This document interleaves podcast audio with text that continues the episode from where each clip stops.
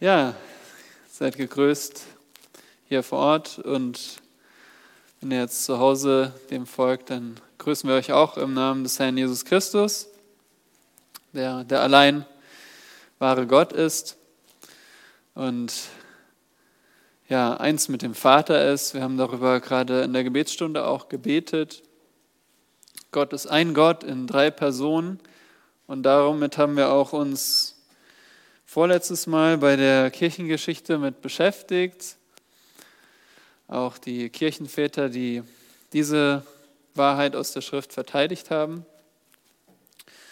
Ja, heute geht es also weiter in unserem Thema Freude an der Frucht des Evangeliums. Also wir unter diesem Titel befassen wir uns mit dem Thema Geschichte der Gemeinde Jesu, also Kirchengeschichte und gehen darüber hinaus, was wir in der Schrift finden, denn die Schrift hört auf mit dem letzten der Apostel, mit dem Apostel Johannes und wir ähm, fassen zusammen, was wir aus äh, Kirchen von Kirchenhistorikern lernen und beleuchten das aus der Perspektive der Bibel.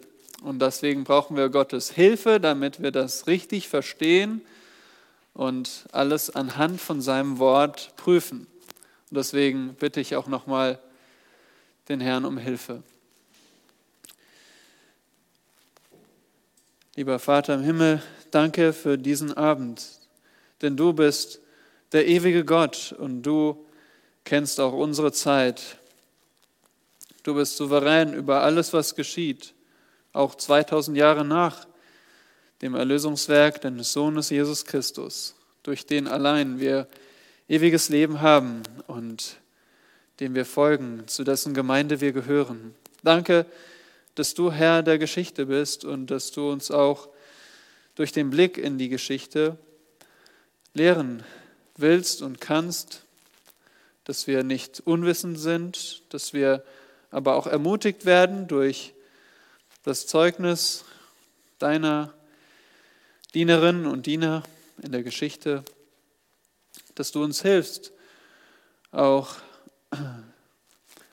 Ereignisse unserer Zeit einfach zu beleuchten durch die Perspektive der Geschichte und dass wir in allem in unserer Hoffnung bestärkt werden, denn du bist das Ziel der Geschichte, Herr Jesus Christus, du unser König, und wir bitten dich, komme du bald und dein Lohn mit dir. So bitte segne nun das Reden und Hören und hilf uns alles anhand deinem Wort zu prüfen. Amen. Nun, wir wollen zu Beginn uns die Gliederung anschauen für heute. Also ich möchte wieder mit einem Rückblick starten, sodass wir uns, dass wir wieder hineinkommen in das, was wir schon gelernt haben.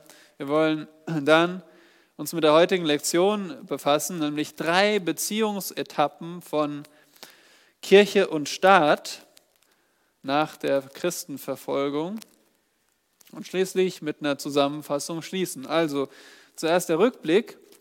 Wir haben angefangen mit der Ausbreitung der Christen. Da Jesus Christus starb in Jerusalem und nach drei Tagen fuhr, ähm, stand er auf von den Toten und fuhr auf zum Vater. Die Gemeinde, die der Herr Jesus Christus gründete, die breitete sich aus, mehr und mehr, begünstigt durch einfach das römische Reich, Straße und Sprache und Frieden, den es gab im römischen Reich. Nun, was war die Lebensweise der Christen in dieser ersten Zeit? Die Lebensweise war äh, gegründet auf der Lehre der Apostel. Die Lehre der Apostel ist das, was wir heute als Neues Testament haben. Und die ersten Christen verkündeten das Evangelium, wohin immer sie kamen. Und sie kamen zusammen als Gläubige, feierten Gottesdienst und wir haben auch gelernt, dass sie diese Überzeugung entwickelten, dass ein Bischof über den mehreren Ältesten stand. Das war eine Überzeugung, die sich schon früh entwickelte. Und wir wissen von der Schrift her, dass das Wort Aufseher oder Bischof, dass das äh, von, ja, die dasselbe Amt bezeichnet wie auch ein Ältester oder ein Hirte. Aber damals wurde es dann so, dass Gemeinden einen Bischof haben, der über den Ältesten stand. Außerdem gehorchten die Christen ihrem höchsten König Jesus Christus und damit kamen sie in Konflikt auch mit dem Staat. Wir haben uns angesehen in mehreren Teilen die Verfolgung der Christen. Die Christen waren zuerst eher so eigentümlich betrachtet, als eigentümlich gesehen. Mehr und mehr wurden sie verachtungswürdig von der Welt angesehen und schließlich als universeller Sündenbock dargestellt. Der erste Kaiser, der die Christen verfolgte, war Kaiser Nero im Jahr 64 nach Christus.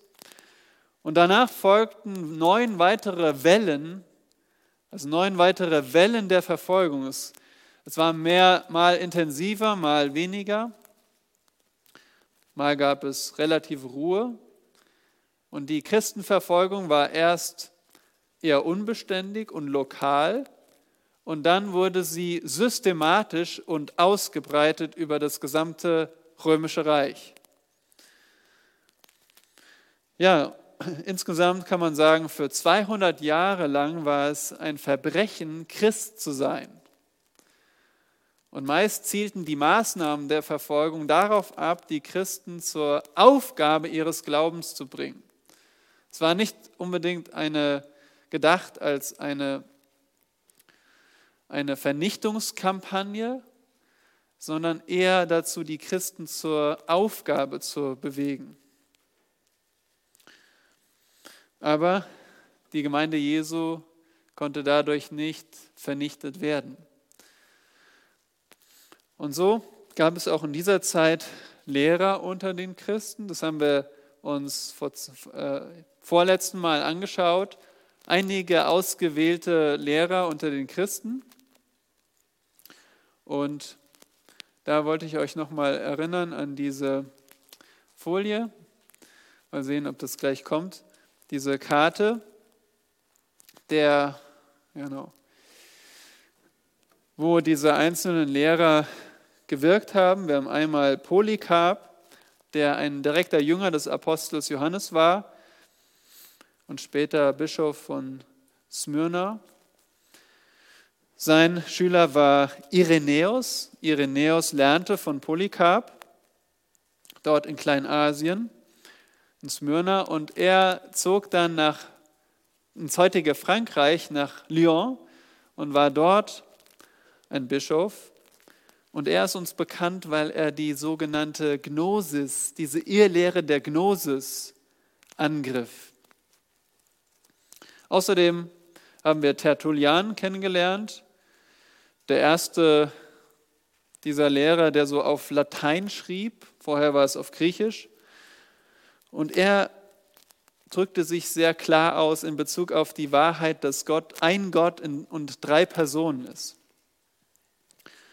Und er warnte vor der Philosophie. Sein, sein Nachfolger in dem Sinne oder wer von ihm gelernt hat, war der Cyprian. Wir befinden uns da ähm, in Karthago, also dort in Nordafrika. Und der Cyprian erlitt auch Verfolgung und er versteckte sich als Gemeindeleiter, um seine Gemeinde aus dem, aus dem Versteck zu leiten. Und er betonte so diese Einheit der Kirche, dass es eine Kirche gibt und nur in dieser Kirche gibt es das Heil. Dann gab es Clemens, Clemens von Alexandria. Der hatte eine andere Sicht zur Philosophie. Der sagte, die griechische Philosophie, das ist wie die Vorschule zum Christentum. Also als etwas Positives hat er die Philosophie dargestellt. Und darauf ist auch Origenes gefolgt. Und der griff das auf und war zwar sehr gelehrt, aber er legte die Schrift allegorisch aus. Also er sagte, es gibt nicht nur diesen wörtlichen Sinn, sondern dahinter liegt noch so ein tieferer allegorischer Sinn. Das waren einige ausgewählte Lehrer unter den Christen. Und schließlich, beim letzten Mal hat Dieter uns gelehrt über die Verführung unter den Christen. Eine Verführung kam durch eine angebliche Erkenntnis, die sogenannte Gnosis in unterschiedlichen Formen.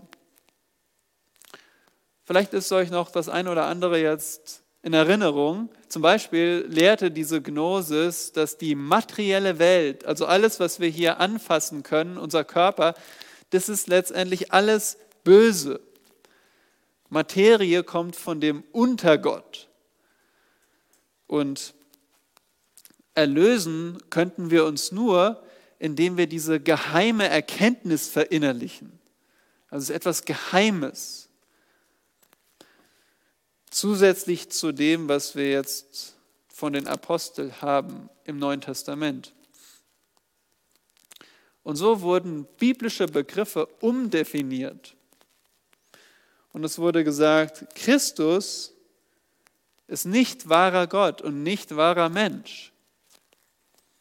Oder es wurde das eine oder das andere geleugnet. Und als ich so diesen Vortrag von Dieter gehört habe, da habe ich mir gedacht, da ist mir so dieser eine Irrtum besonders bewusst geworden, nämlich der Irrtum, das Alte Testament abzulehnen. Wisst ihr, äh, fast 80 Prozent unserer Bibel, fast 80 Prozent ist Altes Testament. Unsere Sicht von Gott haben wir vom Alten Testament. Was lehrt uns das Alte Testament? Gott ist gut und die Schöpfung ist sehr gut, nicht böse. Und so ist es dieser Irrtum, das Alte Testament abzulehnen und sich unter die Philosophie unterzuordnen, diese griechische Philosophie, die den Geist als gut und das, die Materie als böse angesehen hat. Nun, das war so Wiederholung und Rückblick und ich hoffe, ihr habt vieles auch wiedererkannt, was ihr schon gelernt habt. Jetzt kommen wir zur heutigen Lektion und das Thema lautet drei Beziehungsetappen von Kirche und Staat nach der Verfolgung. Also wir haben jetzt einmal die Christenverfolgung, diese Zeit abgeschlossen und jetzt fragen wir uns, wie ging es weiter bis zum Fall von Rom, bis das römische Reich im Westen fiel. Und wir können diese drei Beziehungsetappen wie folgt darstellen. Am Anfang also Akzeptanz des Christentums bis hin zum Vorrang und dann hinab zur Enttäuschung. Das sind also unsere drei Etappen. Und eine Frage, die wir uns stellen, die uns betrifft, ist die Frage, wie verstehen wir und wie leben wir als Gemeinde Jesu unser Verhältnis zum weltlichen Staat? Wie, wie denken wir darüber und wie leben wir unser Verhältnis zum weltlichen Staat?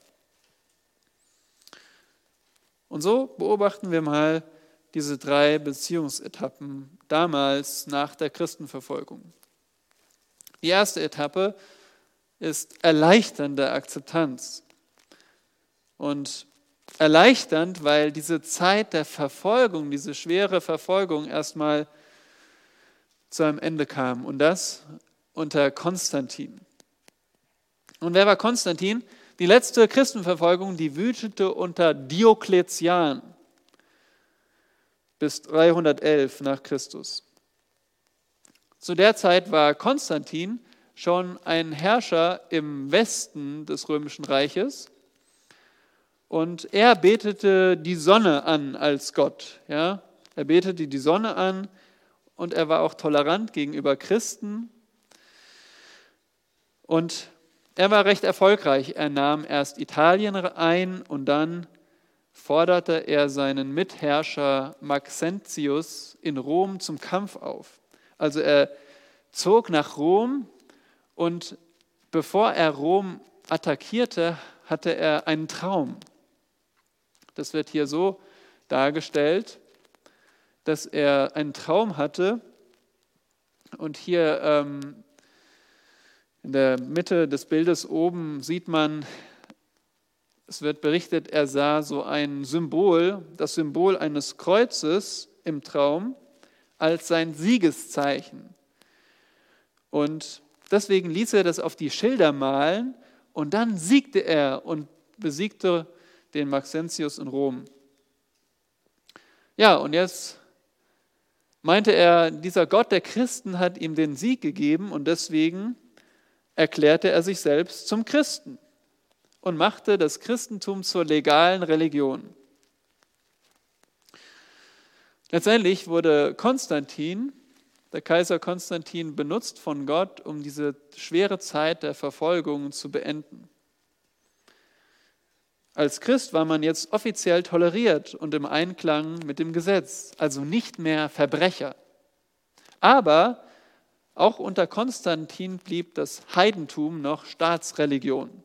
Staatsreligion war es, heidnische Götter anzubeten. Also Konstantin, die Zeit der Ende der Verfolgung, des Endes der Verfolgung, aber auch die Zeit der Einmischung in Gemeindestreit. Damals, müsst ihr verstehen, war Staat und Religion verbunden. Ja, als der Kaiser Christ wurde, war es logisch, dass er auch, dass der Kaiser auch sagte, hey, ich bin die Autorität über das Christentum. Ich habe diese Verantwortung. Und so gab es einen Streit in Nordwestafrika. Auch dort gab es ja Christen und nun da gab es zwei Bischöfe, die waren zerstritten, ja, und der eine Bischof, der wurde nämlich zum Bischof eingesetzt von einem vermeintlichen Verräter. Und jetzt gab es den anderen Bischof und seine Anhänger und die sagten, dieser Cäcilius, äh, nein, dieser Cäcilian, der wurde von einem Verräter eingesetzt, deswegen ist er gar kein echter Bischof. Und dann gab es also eine andere zweite Kirche unter dem Donatus. Und seine Anhänger waren die Donatisten. Und jetzt war ja die Verfolgung vorbei und Konstantin wollte diesen Besitz der Kirche wieder zurückgeben, der unter der Verfolgung weggenommen wurde. Aber welcher Kirche sollte er jetzt den Besitz geben? Der Kirche von dem Cäcilian oder der Kirche vom Donatus? Zwei, zwei zerstrittene Kirchen. Ein Bischofsrat entschied gegen die Donatisten und die probten dann den Aufstand. Die sagten, was hat der Kaiser mit der Kirche zu tun? Was hat der zu entscheiden, wer jetzt die richtige Kirche ist? Also das war der Streit um die Donatisten. Und so, die Donatisten probten den Aufstand und jetzt nahm Konstantin ihnen die Kirchen weg und verbannte ihre Bischöfe. Aber die haben sich immer noch nicht überzeugen lassen. Warum ist das wichtig? Das zeigt uns, das war das erste Mal, dass ein römischer Kaiser staatliche Macht gebrauchte, um abweichende Christen wieder zur katholischen Kirche zurückzuzwingen. Also zu der richtigen Kirche zurückzuzwingen. Das war dort eben hier, wo das Gelb markiert ist. Das ist dieser, dieses Gebiet von Nordwestafrika, wo es diesen Streit gab zwischen den Donatisten und der katholischen Kirche von Cäcilian. Außerdem, Konstantin brachte nicht nur das Ende der Verfolgung oder die Einmischung in Gemeindestreit, sondern auch Einmischung in Glaubensfragen. Konstantin war mittlerweile Herrscher über das gesamte römische Reich. Er hatte auch den oströmischen Herrscher besiegt. Und jetzt berief er das erste, äh, das erste Kirchenkonzil ein, das erste Kirchenkonzil seit Apostelgeschichte 15. Und das fand in Nicäa statt. Das Konzil von Nicäa. Nicea ist ein Vorort von Konstantinopel. Und Konstantin, der bezahlte den Bischöfen die Reise und die Verpflegung. Also, hey, das war gut. Der hat, der hat ähm, sich da finanziell eingebracht. Aber er sah sich traditionell auch als oberster Priester seiner eigenen Religion und damit sah sich Konstantin in der Verantwortung, auch die Kirche zu regieren. Er mischte sich in die Theologie ein. Und er entschied, diesem Konzil selbst vorzustehen. Also er war der Vorsteher und so auch das Haupt der Kirche. Dieses Konzil dauerte 41 Tage und es bestand aus 2000 Gemeindeleitern, die aus dem ganzen römischen Reich zusammenkamen und unter anderem diese Frage debattierten, ist Christus dem Wesen nach Gott gleich? Und es gab drei Positionen. Ist Christus dem Vater entsprungen? Also hat der Vater den Sohn geschaffen? Das war eine Sichtweise, eine Sichtweise von dem Lehrer Arius. Oder ist Christus dem Vater gleich? Das war die Sichtweise von Athanasius. Der Sohn ist von demselben Wesen wie der Vater und er ist ewig. Oder aber ein Kompromiss. Ist der Sohn dem Vater ähnlich? Also er ist ähm, schon göttlich, aber nicht in demselben Maße Gott wie, wie der Vater Gott. Also der Vater ist Gott und der Sohn ist auch göttlich, aber etwas unter dem Vater. Nun, Konstantin, erinnert euch, er war ja jetzt das Haupt und er schwankte so zwischen den Positionen. Aber schließlich stimmte er der biblischen Sicht zu. Die biblische Sicht, Christus ist dem Vater gleich. Er stimmte zu. Und ähm, somit genehmigte er die biblische Position und er verbannte den Arius. Arius sagte, Christus ist dem Vater als Schöpfung entsprungen. Und hier war es das erste Mal, dass ein Ketzer vom Staat bestraft wurde. Er wurde jetzt nicht getötet, aber er wurde immerhin verbannt. Arius war auch ein falscher Lehrer. Also wir könnten sagen, ist doch gut. Aber hier sehen wir, dass zum ersten Mal der Staat eingriff und jemanden für seinen Glauben ähm, bestrafte. Übrigens, später änderte Konstantin seine Meinung und bevorzugte die, die Sicht von Arius. Konstantin brachte das Ende der Verfolgung, Einmischung in Gemeindestreit, Einmischung in Glaubensfragen, aber auch einen Einfluss auf das Christentum.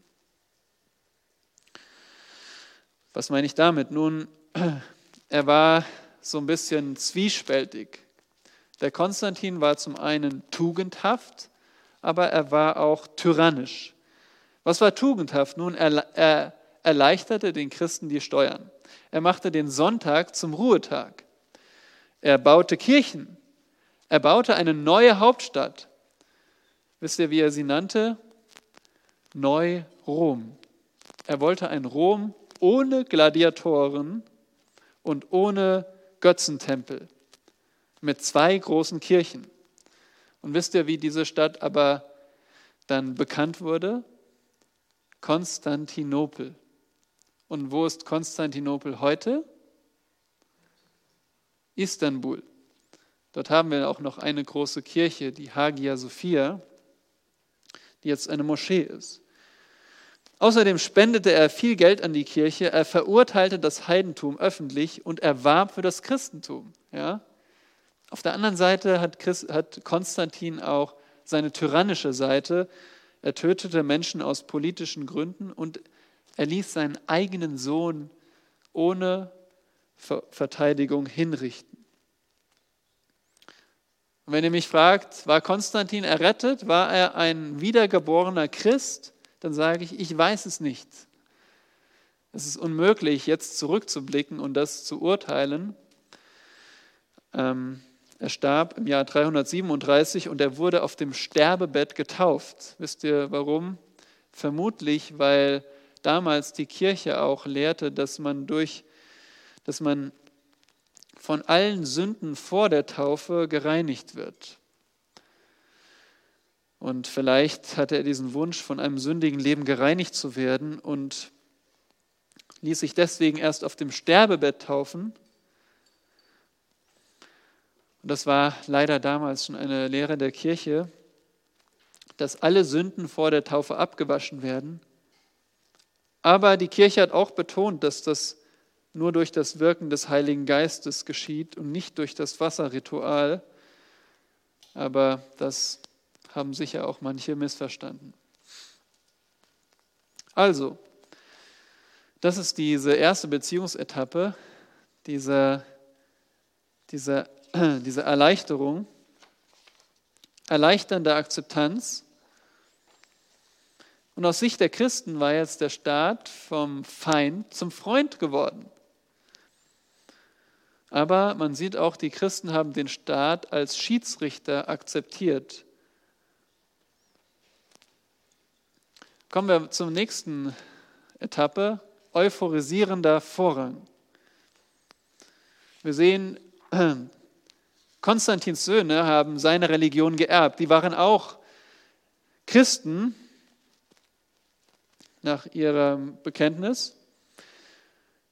Und Wisst ihr, wie sie hießen? Konstantin II., Konstanz und Konstantius. Also man sieht, dass sie alle von Konstantin kommen. Am längsten regiert hat der Konstantius und der verbot das Tieropfer bei Todesstrafe. Also diese Götzenopfer verbot er. Und außerdem schloss er die Götzentempel und die Kirche protestierte nicht gegen solche Maßnahmen. Gegen diese Verfolgung, die jetzt in die andere Richtung ging. Ja. Viele Menschen schlossen sich der Kirche an. Das war auf einmal Mode, Christ zu sein. Aber dieser Konstantius glaubte die arianische Irrlehre.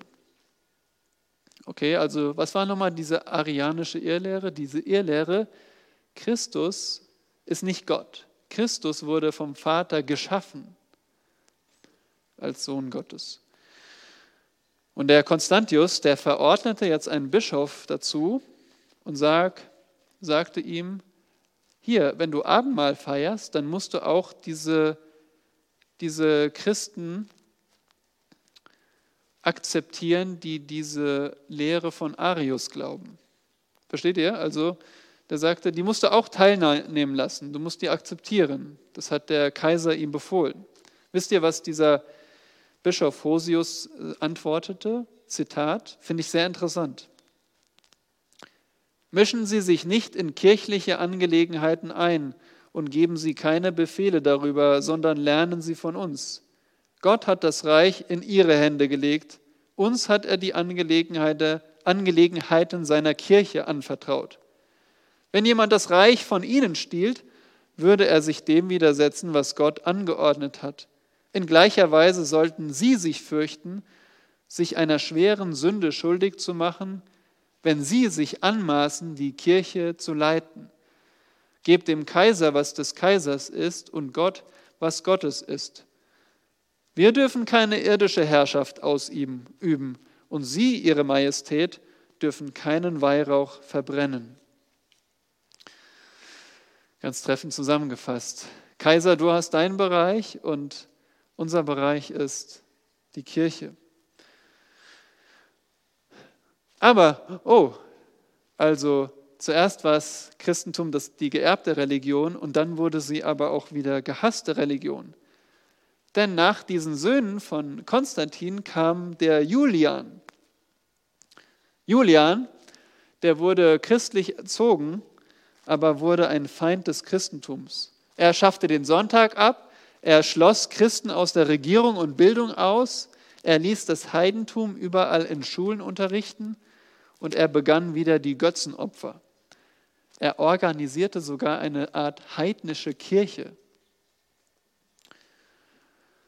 Aber Dank dem Herrn regierte er nur drei Jahre und dann starb er im Kampf.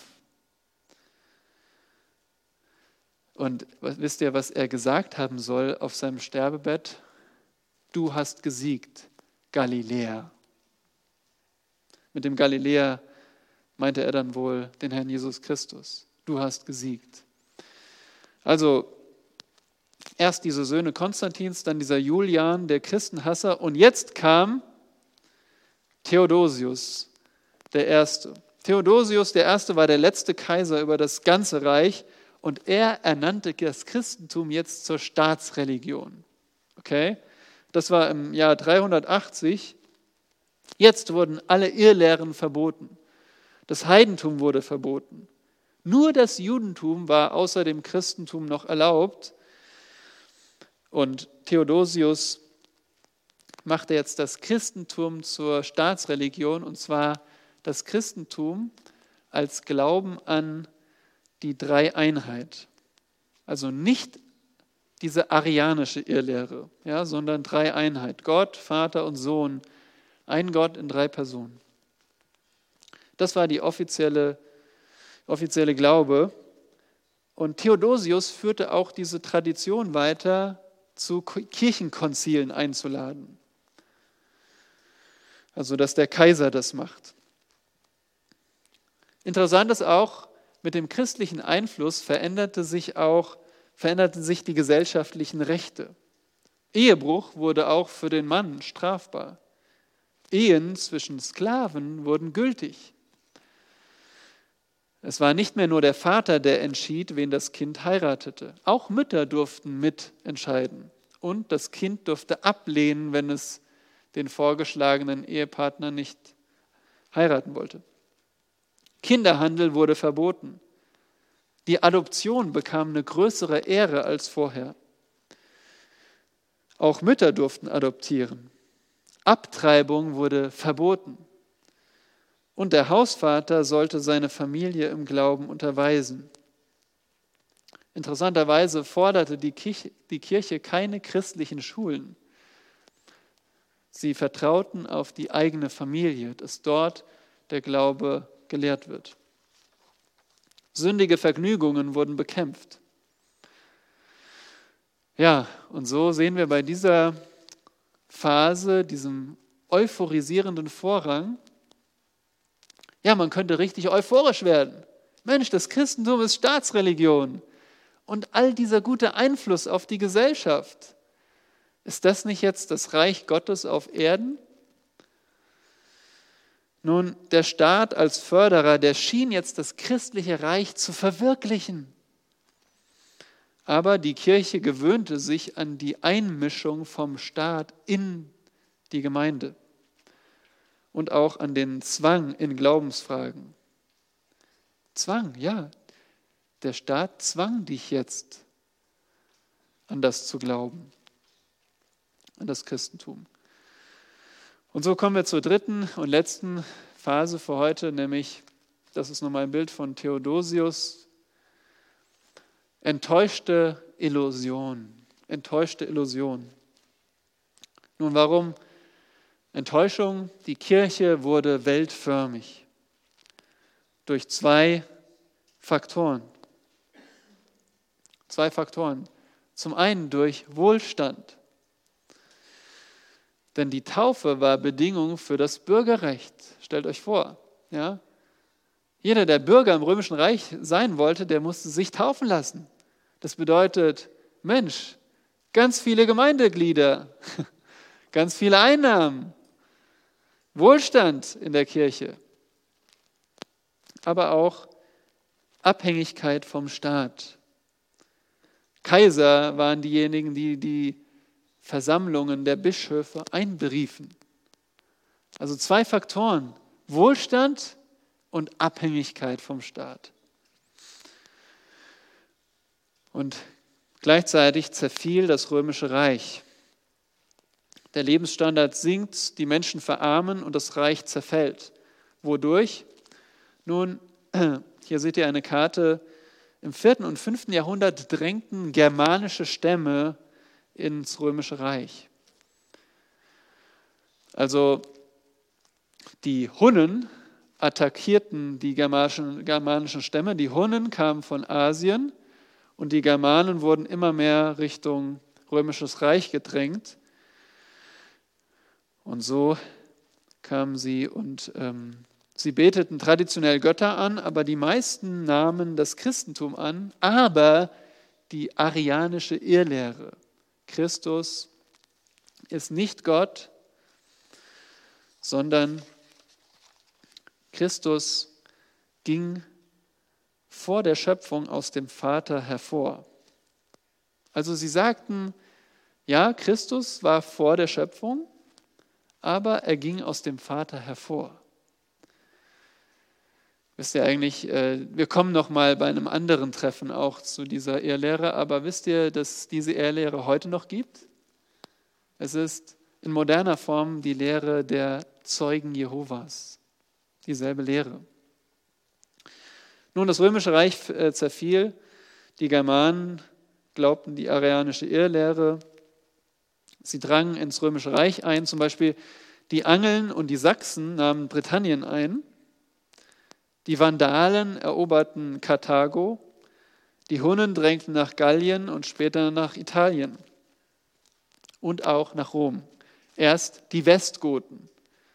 410 plünderten sie Rom, nur die Kirchen wurden verschont. Und ihr müsst euch vorstellen, das war ein emotionaler Schock für das Reich. Rom Rom, die Hauptstadt, wurde eingenommen von den Germanen. Dann die Vandalen plünderten Rom 455. Und schließlich wurde Rom von den Barbaren beherrscht 476. Und das wird als Ende des römischen Reiches gesehen. 476, das Ende der Antike und damit auch der Beginn des Mittelalters. Ja, warum erzähle ich euch das? Einfach um euch zu zeigen, mancher hatte gedacht, Rom ist jetzt das christliche Reich Gottes. Und mit Wohlstand und Abhängigkeit vom Staat wurde die Kirche weltförmig. Aber diese Illusion von einem irdischen christlichen Reich mit staatlicher Hilfe zerschlug sich völlig. Rom ging den Bach runter. Und so kommen wir zur Zusammenfassung. Wie verstehen und leben wir als Gemeinde Jesu unser Verhältnis zum weltlichen Staat? Nun denken wir über diese erste Phase nach, erleichternde Akzeptanz, also nach der Verfolgung. Die Verfolgung wird beendet. Ich habe da einen Vers aus der Schrift, der dazu passt, in Apostelgeschichte 9. In der Apostelgeschichte sehen wir schon, dass die ersten Christen verfolgt wurden. Und in Apostelgeschichte 9, Vers 31 sehen wir das Ergebnis davon, dass der Apost, dass der, dass Paulus nach jüdischen Namen Saulus, dieser Christenverfolger, dass er sich bekehrte. Ja, Saulus, der Christenverfolger, bekehrt sich und in Vers 31 heißt es, so hatten nun die Gemeinden Frieden in ganz Judäa und Galiläa und Samaria und wurden auferbaut und wandelten in der Furcht des Herrn und wuchsen durch den Beistand des Heiligen Geistes. Wir dürfen Gott danken für ein Ende der Verfolgung. Es muss nicht heißen Weltförmigkeit. Wir sehen hier, die Gemeinden hatten Frieden und sie wurden auferbaut. Sie wuchsen geistlich. Es wäre falsch zu sagen, ach, dass wir nur Verfolgung hätten, dass wir nur als Märtyrer sterben. Nein, das ist nicht eine biblische Sicht. Ob wir leben oder sterben, wir sind des Herrn. Wir können dem Herrn für, auch für diese Erleichterungen danken, aber wir dürfen nicht den Staat als Schiedsrichter über der Gemeinde akzeptieren. Der Staat ist nicht Schiedsrichter über Gemeindeleiter und Glaubensfragen. Das lesen wir zum Beispiel in 1. Korinther 2. Die Gemeinde in Korinth war auch ähm, in einer Stadt voller Philosophie und Unmoral. Und Paulus lehrt sie darüber, welches Verhältnis sie zur Welt haben. Er sagt ihnen, ihr seid aus der Welt erwählt, ihr seid aus der Welt gerettet, ob Juden oder Heiden. Und dann spricht er in Kapitel 2 davon, wie der Heilige Geist allein Wahrheit offenbart. Und diesen Geist haben wir empfangen als Christen. Er ist uns geschenkt worden. Der natürliche Mensch nimmt nicht an, was vom Geist Gottes ist. Es ist ihm eine Torheit. Und er kann es nicht erkennen, weil es geistlich beurteilt werden muss. Vers 15 in 1. Korinther 2. Der geistliche Mensch dagegen beurteilt zwar alles, er selbst jedoch wird von niemand beurteilt. Denn wer hat den Sinn des Herrn erkannt, dass er ihn belehre? Wir aber haben den Sinn des Christus. Hier seht ihr es ganz deutlich. Der geistliche Mensch wird nicht beurteilt von den Menschen dieser Welt. Und in Kapitel 6, Vers 4 heißt es, wenn ihr nun über Angelegenheiten dieses Lebens Entscheidungen zu treffen habt, so setzt ihr solche zu Richtern ein, die bei der Gemeinde nichts gelten. Also er tadelt sie dafür, dass sie vor das weltliche Gericht gehen, um Streitigkeiten zu klären. Also als ob ich jetzt mit dir, meinem Bruder, einen Streit habe und wir müssen das vor einem weltlichen Gericht klären. Paulus sagt hier, so soll es nicht sein. Wir gehen nicht zu den weltlichen Richtern, um uns beurteilen zu lassen in Fragen der Gemeinde und des Glaubens. Zweitens, der euphorisierende Vorrang. Nun, wir können Gott auch für gerechte Gesetzgebung danken. Wir sollen jetzt nicht sagen, ach, wie schlimm, dass damals Abtreibung verboten wurde. Nein, Gerechtigkeit erhöht ein Volk. Die Sünde aber ist die Schande der Völker. Wir können Gott von Herzen danken, wenn ein Staat Gesetze macht, die gut sind. Aber wir dürfen nicht den Staat mit dem Reich Christi verwechseln. Wir dürfen nicht unseren weltlichen Staat mit dem Reich Christi verwechseln, denn der Herr Jesus Christus sagt zu Pilatus, dem Statthalter in Jerusalem, er sagt ihm in Johannes 18, Vers 36, mein Reich ist nicht von dieser Welt. Wäre mein Reich von dieser Welt, so hätten meine Diener gekämpft, damit ich den Juden nicht ausgeliefert würde. Nun aber ist mein Reich nicht von hier. Was meint er damit? Meint er, dass sein Reich niemals auf dieser Erde ist? Nein. Der Herr Jesus wird auf diese Erde kommen und sein Reich hier aufrichten. Auch in Hohenschönhausen. Ich weiß nicht, wie es mal dann aussehen wird. Aber er wird sein Reich auf dieser Erde aufrichten. Aber nicht auf die Weisen dieser Welt. Nicht mit Demokratie. Nicht, er wird nicht sich aufstellen lassen und gewählt werden. Er wird auch nicht seine seine Gemeinde versammeln und jeden mit einem Schwert ausstatten. Nein, nicht auf diese Weise. Sein Reich wird ausgebreitet durch den Samen des Wortes, durch das Evangelium, das die Herzen durchdringt. Und die Menschen erkennen, du bist der einzige Erlöser, Herr Jesus Christus. Wir sind Sünder vor dir. Wir, sind, wir sind, stehen unter dem Zorn Gottes. Nur du bist unser Heil. Du hast am Kreuz bezahlt für Sünder. Und wer immer an dich glaubt und umkehrt, der wird errettet. Und wer das glaubt, gehört zum Reich Gottes. Und so breitet der Herr Jesus sein Reich auf, aus, aus auf dieser Erde und wird eines Tages auch auf dem sichtbaren Thron sitzen. Verwechseln wir nicht den Staat mit dem Reich Christi. Und drittens, enttäuschte Illusionen. Enttäuschte Illusionen. Ihr erinnert euch, die Enttäuschung. Das römische Reich war nicht das Reich Gottes. Und wie werden wir vor dieser Illusion bewahrt? Nun, in Matthäus 6, Vers 10, das ist das Gebet, das der Herr uns lehrt. Dort lesen wir, Dein Reich komme. Dein Reich komme. Das ist unser Gebet, auch heute noch. Dein Reich komme. Dein Wille geschehe, wie im Himmel, so auch auf Erden. Wir bitten den Herrn um sein zukünftiges Reich, dass es kommt. Und wir dürfen nicht an der Abhängigkeit vom Staat kleben, auch nicht um des Wohlstands willen.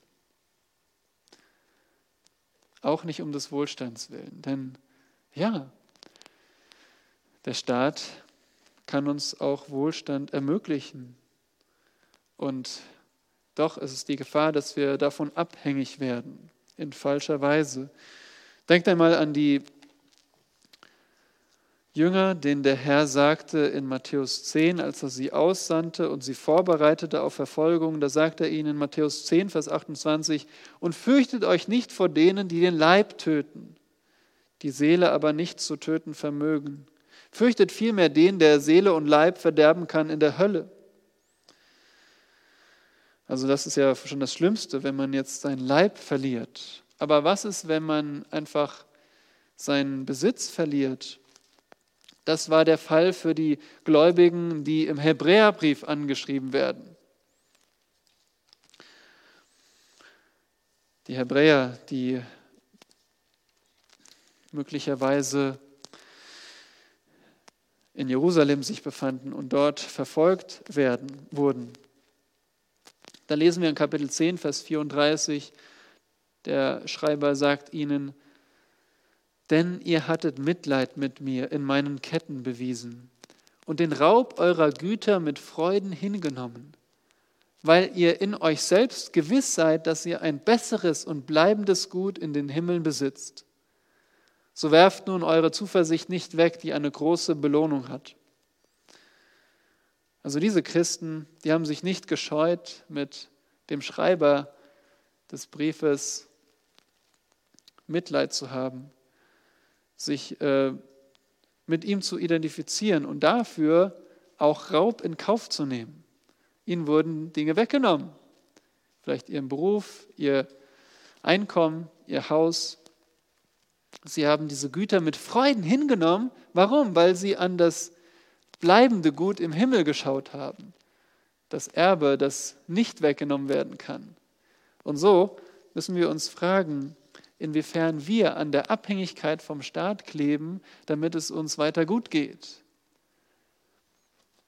Und dafür brauchen wir Gottes Weisheit. Aber hier haben wir diese drei Beziehungsetappen gesehen, die uns helfen, auch aus der Geschichte zu lernen. Nun, lasst uns gemeinsam den Herrn bitten, dass sein Reich kommt. Vater im Himmel, geheiligt werde dein Name, du bist der wahrhaftige Gott. Und wir preisen deinen Sohn Jesus Christus als unseren einzigen Retter und Erlöser. Wir bitten dich, dass dein Reich kommt, dass du es aufrichtest auf der Erde in sichtbarer Form, dass du, Herr Jesus, den Bund mit David erfüllst und auf dem Thron Davids in Jerusalem regierst, über alle Nationen, egal welche Sprache. Aber wir wissen, dass du zu dieser Zeit dann in deinem Reich nur über gläubige Menschen regierst. Und so bitten wir jetzt, solange es noch Zeit ist, dass du, Herr, Menschen zu dir ziehst und errettest durch das Evangelium. Hilf uns, deine Zeugen zu sein und wer wenn wir jetzt erkennen, wir sind noch gar nicht umgekehrt zu dir, so Herr, bitte schenk Gnade zur Errettung am heutigen Tag. Denn wer immer den Namen des Herrn anruft, der wird gerettet werden. Amen.